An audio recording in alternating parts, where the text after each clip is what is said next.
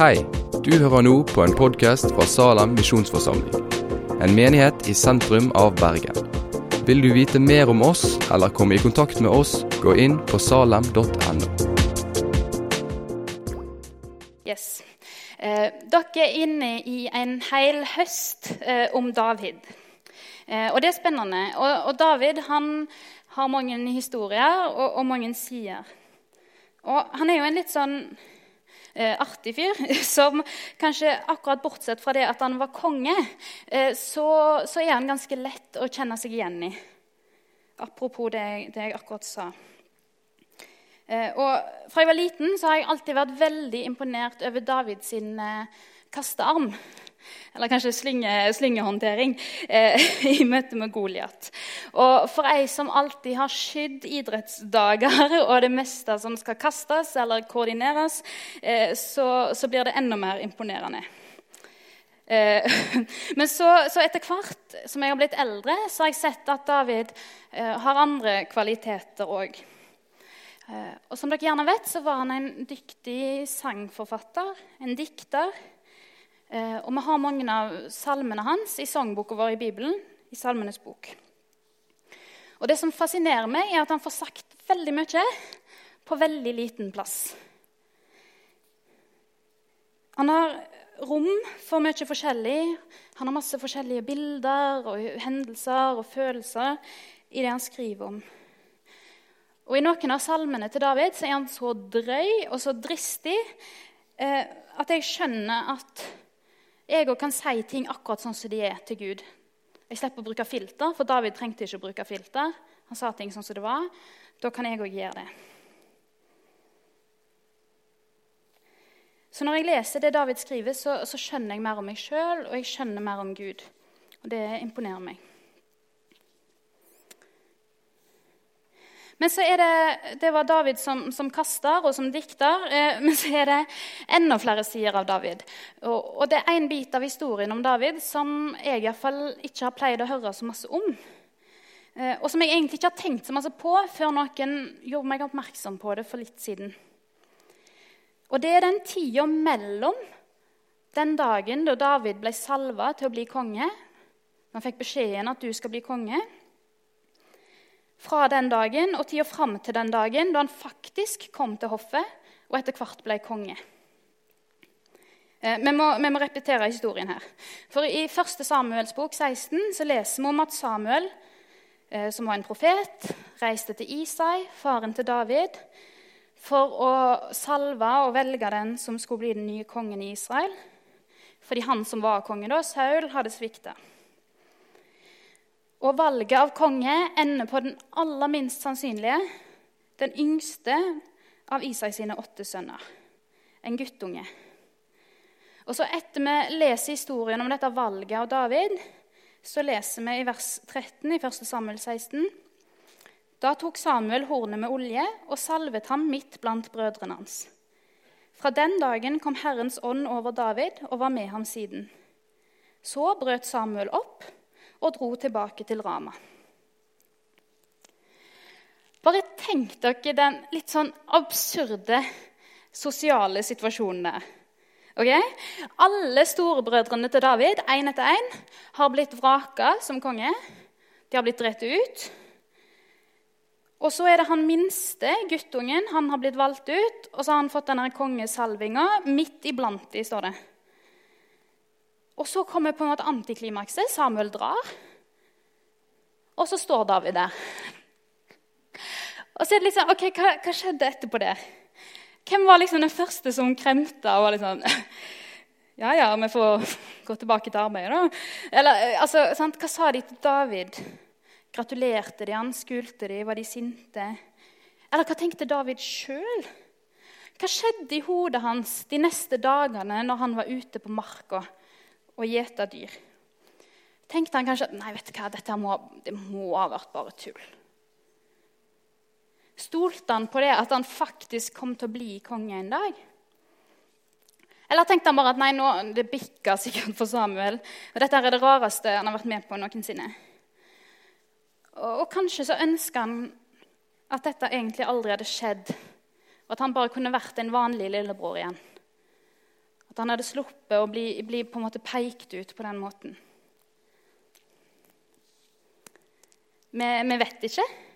Historien i, i, bibelteksten går rett videre til at David blir sendt til Saul som harpespiller.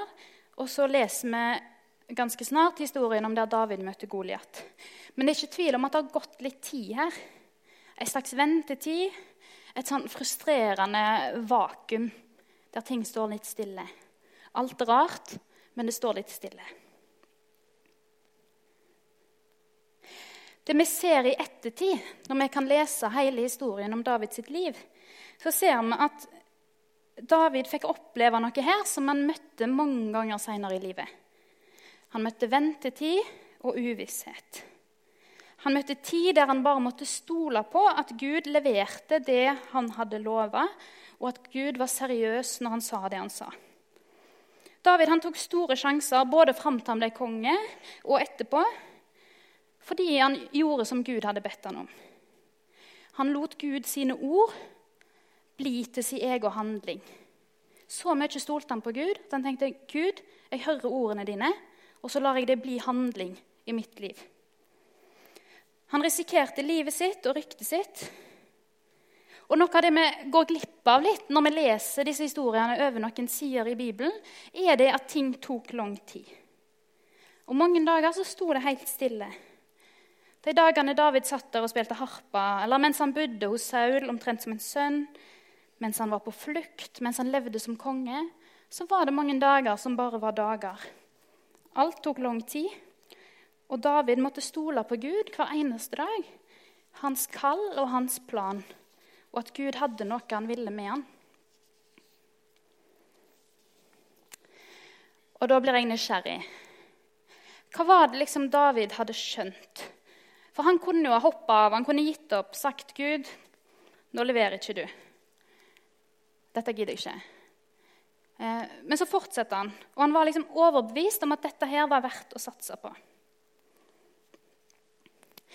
Og det som er fint, da, er at Vi har jo faktisk tilgang på noen av Davids tanker om denne saken.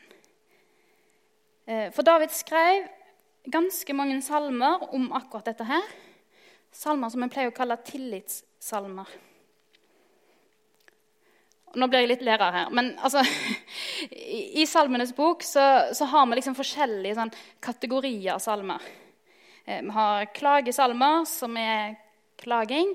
Eh, vredesalmer, som er ganske sånn drøye anklager mot Gud, frustrasjon. Du har lovprisnings- og takkesalmer. Eh, du har kongesalmer, og så har du visdomssalmer. Og så har du en kategori som heter tillitssalmer. Eller 'Songs of Confidence', som det heter på engelsk. Men da er det ikke confidence eller tillit til meg sjøl det handler om, men tillit til Gud. Det er salmer som handler om at en stoler på at Gud er den han sier han er. Om å handle ut fra det. Om å la det Gud sier, farge livet, valg, prioriteringer og hva du gir lov til å vippe deg av pinnen. Og Dette er salmer som passer hver eneste dag. De dagene du ikke trenger kanskje en klagesalme eller en lovsangssalme for å få sagt det du tenker, men de dagene som kanskje er ventedager, men de passer òg de dagene det er krise, de dagene du er glad. Og så funker de de dagene der livet rusler, der du leter etter endring, etter et svar, etter noe nytt. De dagene du kanskje syns Gud forsvinner litt i alt det som skjer, eller du syns Gud har venta altfor lenge med å gi lyd fra seg. Vi skal selvsagt se på et eksempel. Eh, vi kunne tatt Salme 23, for eksempel, som mange av dere kjenner godt. 'Herren er min hyrde, jeg mangler ingenting', osv. Eh, som en annen tillitssalme så kunne vi tatt en som en del av oss sikkert har sunget en del, Salme 121. 'Jeg løfter mine øyne opp til fjellene'. Eh, begge de er tillitssalmer. Eh, men vi skal gå til en som er litt mindre kjent enn de to, men som er like fin, og det er Salme 27. Så hvis dere har med Bibel eller vil bla opp på telefonen, så kan dere det. Eh, og så leser jeg Salme 27 her. Herren er mitt lys og min frelse. Hvem skulle jeg være redd for? Herren er mitt livs vern, hvem skulle jeg frykte? Når voldsmenn og fiender nærmer seg for å sluke meg, da snubler de og faller selv. Om en hær vil beleire meg, er mitt hjerte uten frykt. Om krigen truer, er jeg likevel trygg. Én ting ber jeg Herren om, dette ønsker jeg, å få bo i Herrens hus alle mine dager, så jeg kan se Herrens skjønnhet og være i Hans tempel. Han gjemmer meg i sin hytte på den onde dagen. Han skjuler meg i sitt telt og løfter meg opp på klippen. Nå rager mitt hode høyt over fienden omkring meg. Med jubel vil jeg bære fram offer i hans telt. Jeg vil synge og spille for Herren. Hør, Herre, jeg roper høyt. Vær meg nådig og svar meg. Jeg minnes at du har sagt, dere skal søke mitt ansikt. Ditt ansikt søker jeg, Herre. Skjul ikke ansiktet for meg. Vis ikke din tjener bort i vrede, du som har vært min hjelp. Gud, min frelser, forkast meg ikke, forlat meg ikke. Om far og mor forlater meg, vil Herren ta imot meg. Herre, lær meg din vei og før meg på jevne stier, for jeg er omgitt av fiender. Gi meg ikke over til grådige fiender, for falske vitner står opp mot meg, menn som truer med vold. Men jeg vet at jeg skal se Herrens godhet i de levendes land. Sett ditt håp til Herren. Vær frimodig og sterk. Ja, sett ditt håp til Herren. Det var Salme 27. Eh, hva er liksom tonen her? Jo, det, det er en David som ser at livet er vanskelig. Han ser at det er mye å være redd for. Han snakker om fiender, ting som truer der ute. Og så ber han om hjelp i møte med dette som er vanskelig. Men samtidig så sier han at han vet at hjelpen kommer til å komme. For det er han sikker på. Han sier han har ingen å være redd for, og det han lengter til, er å bo i Herrens hus. Men, men det er fortsatt tydelig at det er viktig for han å få hjelp. Og Han sier til med at 'Jeg minnes det du har sagt, dere skal søke mitt ansikt'.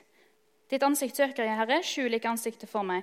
Altså, Først så minner han på en måte Gud på hva han har sagt. Han sier, 'Gud, du har jo sagt at vi skal søke ditt ansikt, og nå gjør jeg det.' 'Så nå gjør jeg det du har bedt meg om, og da håper jeg du leverer fortsettelsen her.' Han har på en måte en samtale, en diskusjon, som går litt sånn fram og tilbake. Og så sier han, 'Forlat meg ikke.' Og så, om far og mor forlater meg, vil Herren ta imot meg. Altså, han ber om noe, og så husker han svaret, for han vet jo hva svaret er. For det har han lært før, at Gud vil ikke forlate ham. Men han tillater seg å si det til Gud, det han trenger. Men så minner han seg sjøl òg på hva responsen er fra Gud. Og til slutt så løfter han blikket og husker at han skal se Herrens godhet i de levendes land. Det er det samme som vi snakker om når vi snakker om hva vi skal få i himmelen. Eh, og Så løfter han blikket på en litt annen måte og ser ut til alle andre. Og oppfordrer deg, altså oss, til å gjøre som han, til å sette vårt håp til Herren. Og dette er tillit. Dette er Davids måte å fortelle om sin tillit til Gud. Dette er den tilliten og overbevisningen som fikk han til å eh, våge alle de tingene han vågde i løpet av livet sitt. Og så er det noe som, som, er litt rart. For på en måte så er dette en veldig personlig salme. Sant? Det går direkte ut av Davids personlige situasjon, og, det er det han ber om. Eh, men likevel så, så handler salmen mest om Gud. Alt bygger på å ende i hvem Gud er, og at han er den som kan ordne. Og Det lærer jo oss masse om det å ha tillit, om det å være en person som tror, tror på Gud. For det lærer oss om det å venne seg til Gud i stort og smått. Og kanskje aller mest så lærer det oss noe om Gud. Denne salmen gir oss et hint om at hva vi tenker om Gud, betyr en forskjell for oss i vår hverdag og i våre dager. Salmen gir oss et hint om at det å lære mer om Gud det gir oss noe å gå på i møte med livet. For trua vår den er ikke verdt noe hvis ikke Gud er den han sier han er. For tru er ikke bare tru ut i løse lufta. Ikke den trua eh, vi har som kristne. Nei, trua vår er trua på noe. sant? På Gud. På at sier er, på at det han sier er sant. Men da er det veldig avhengig av at han faktisk er til å stole på. Så det trenger vi å minne oss sjøl på. At det er sånn Gud er. Han er en vi kan stole på. Vi kan stole på at han vil oppfylle det han sier. Og Dette henger jo tett sammen med, med hva bildet vi har av Gud. Eh, jeg har egentlig lært hele livet at Gud er uforanderlig. Sant? Gud forandrer seg ikke. Han er den samme fra dag til dag. Og, og, på en eller annen måte så har jeg da oversatt det inni hodet mitt til å tenke at da må jeg på en måte ha samme bilde av Gud alltid. At på en måte, Den måten jeg lærte at Gud var når jeg var her inne som treåring, den, det er liksom sånn Gud er, for han forandrer seg jo ikke. Men så har jeg jo skjønt det, at det er jo ikke sånn det er. For Gud er uforanderlig, det er helt sant. Men mitt bilde av han, det kan endre seg og kan justeres. Og det bør endre seg i løpet av livet. For ofte så har vi ikke sett alt av Gud. Eller det har vi ikke, det kan jeg love dere. Dere har ikke sett alt av hvem Gud er. Og, så kan det være ulike ting som gjør at det bildet vi har av Gud, er litt sånn vridd. Eh, kanskje har vi hørt mer om noen sider av han enn andre. Kanskje har vi mennesker i livene våre som har vist han fram litt sånn feil. Kanskje har vi blitt, fortalt ting. Kanskje har livet og erfaringene våre fått oss til å tenke annerledes om han. Noen av oss ser på Gud som en streng far, som en kritiker, som en sånn kontrollerende overvåker som en som bare jobber og er opptatt. Som en som er uberegnelig. Som en som er fjern, langt der borte og ikke vil ha så mye med meg å gjøre. Noen ser på han som overbeskyttende eller bare overbærende, som på en måte glatter overalt. Kanskje kjenner du det igjen i noe av det? Og Dette er bilder av Gud som vi kan få sant, gjennom livet, gjennom forkynnelsen vi hører, gjennom det vi opplever. Og så trenger vi å gå til Bibelen og undersøke hvem Gud faktisk er. For det er mulig å vite ting sikkert om Gud. Det er ikke mulig å vite alt. Eh, men gjennom livet vil vi ha bruk for å se ulike sider av Han. Og det bildet blir nyansert, det blir utvikla. Eh, og så vil vi aldri skjønne alt, nei, for han er for stor, for annerledes enn oss til det. Men noe kan vi vite. Vi kan vite at Gud er uforanderlig. Vi kan vite at han har skapt oss, og han har skapt verden. Vi kan vite at Gud er en person. Altså Han er noen det er mulig å ha et vennskap med, en relasjon til. Han er hellig, han er kjærlig, han er mektig. Han er en god far. Han er alltid relevant og aktuell. Og vi som mennesker er avhengig av han. Og alt dette er sant fordi det står i Bibelen om han, uavhengig av hva vi tror om han og hva vi tenker om han. Og det er òg sant uavhengig av hvordan dagen vår er. Og Det er jo dette som er poenget i, i Davids salme. At Gud han er den han er. Han er en tilflukt, en trygghet, en hjelper og frelser. Selv om livet raser, og selv om det ikke alltid føles sånn, og selv om David kanskje misforstår òg av og til. Eh, Gud han, han, har skapt oss med følelser. Eh, og Gud han anerkjenner at vi reagerer på ting med følelser som frykt eller sinne, skuffelse, sorg. Det, det tåler Gud. Eh, men samtidig holder han fast på at han er den han er. Han er til å stole på, selv om det stormer i oss og rundt oss.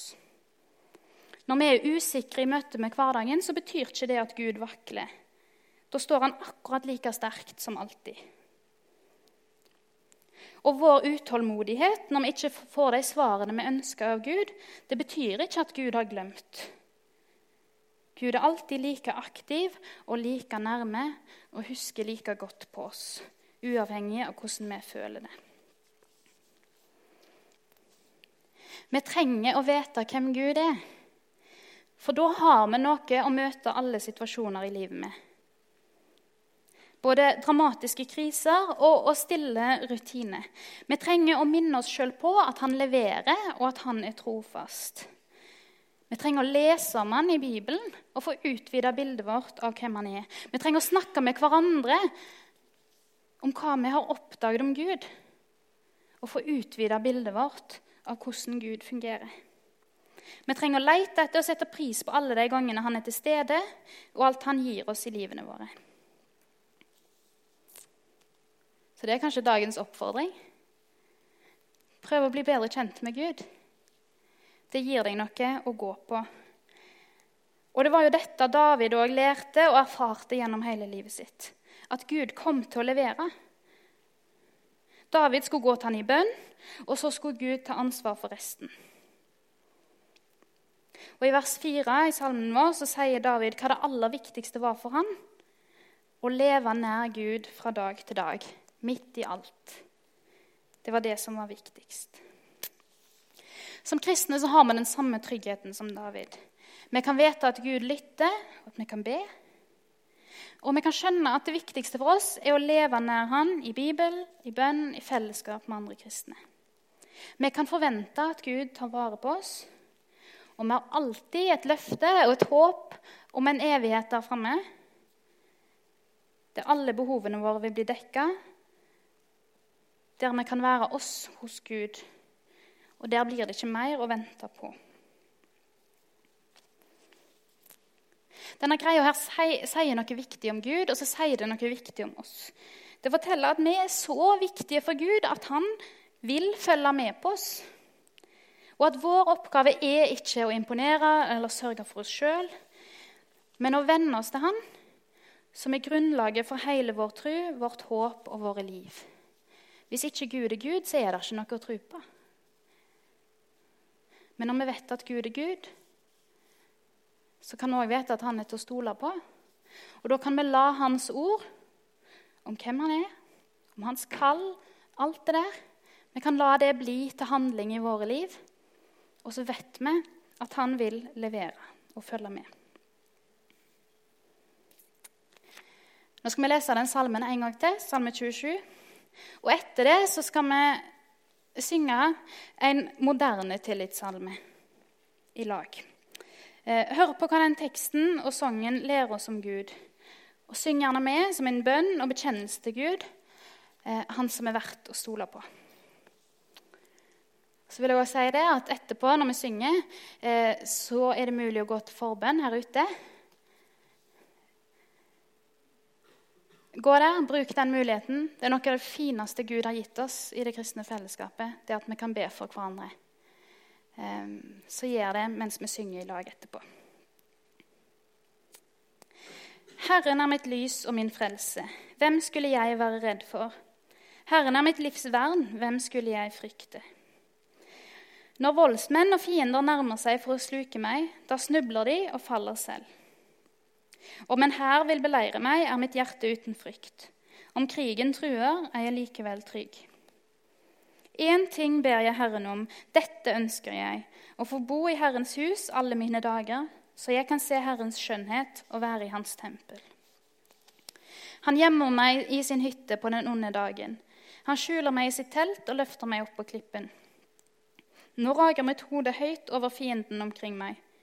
Med jubel vil jeg bære fram offer i hans telt. Jeg vil synge og spille for Herren. Hør, Herre, jeg roper høyt. Vær meg nådig og svar meg. Jeg minnes at du har sagt, dere skal søke mitt ansikt. Ditt ansikt søker jeg, Herre, skjul ikke ansiktet for meg. Vis ikke din tjener bort i vrede, du som har vært min hjelp. Gud, min frelser, forkast meg ikke og forlat meg ikke. Om far og mor forlater meg, vil Herren ta imot meg. Herre, lær meg din vei, og før meg på jevne stier, for jeg er omgitt av fiender. Gi meg ikke over til grådige fiender, for falske vitner står opp mot meg, menn som truer med vold. Men jeg vet at jeg skal se Herrens godhet i de levendes land. Sett ditt håp til Herren, vær frimodig og sterk. Ja, sett ditt håp til Herren.